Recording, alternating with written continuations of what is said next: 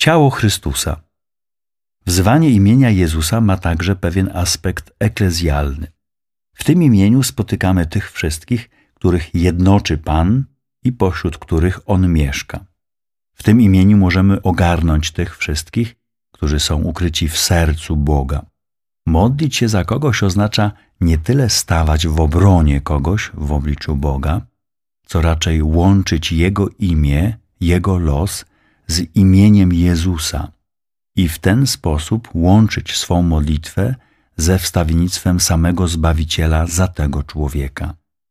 Dotykamy tutaj tajemnicy Kościoła.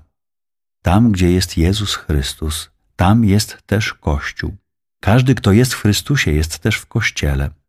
Imię Jezusa jest tym, co nas jednoczy z Kościołem, ponieważ Kościół trwa w Chrystusie i jest w nim bez żadnej skazy.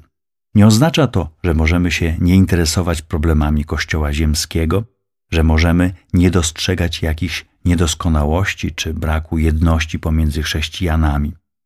Nie rozdzielamy sfery widzialnej i niewidzialnej Kościoła, ani ich sobie nie przeciwstawiamy.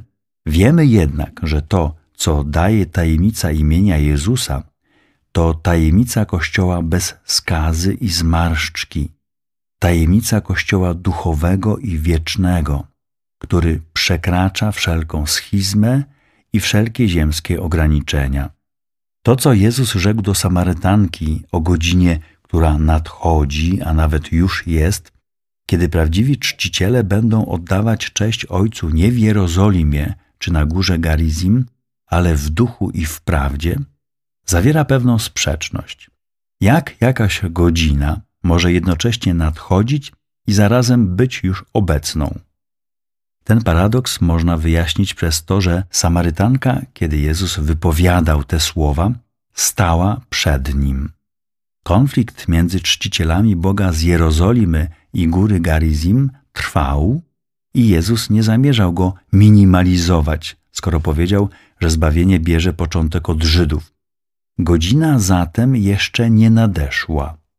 W tej samej chwili jednak Jezus już był obecny, a w nim kult z Jerozolimy i góry Garizym odszedł w bezpowrotną przeszłość, a zatem godzina nadeszła. Gdy wzywamy imienia, jesteśmy w analogicznej sytuacji.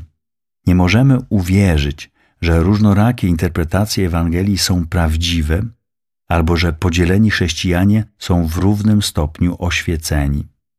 Wierzymy jednak, że ci, którzy przyzywają imienia Jezusa i usiłują zjednoczyć się ze swym Panem poprzez akty bezwarunkowego posłuszeństwa i doskonałej miłości, są też w stanie przekroczyć ludzkie podziały, aby uczestniczyć w nadprzyrodzonej jedności mistycznego ciała Chrystusa.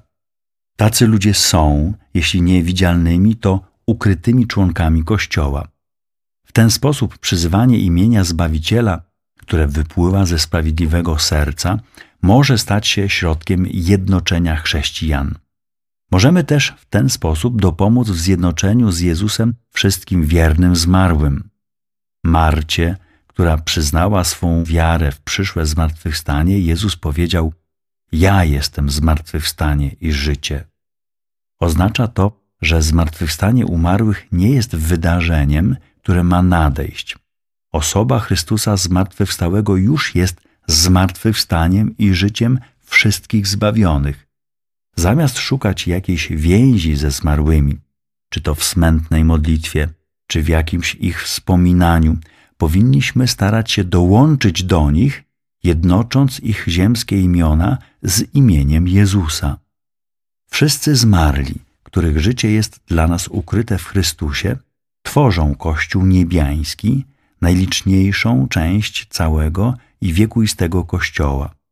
Poprzez imię Jezusa możemy złączyć się ze świętymi, którzy mają Jego imię na czołach i z aniołami, spośród których jeden rzekł do Maryi, nazwiesz swego Syna imieniem Jezus i z samą Maryją.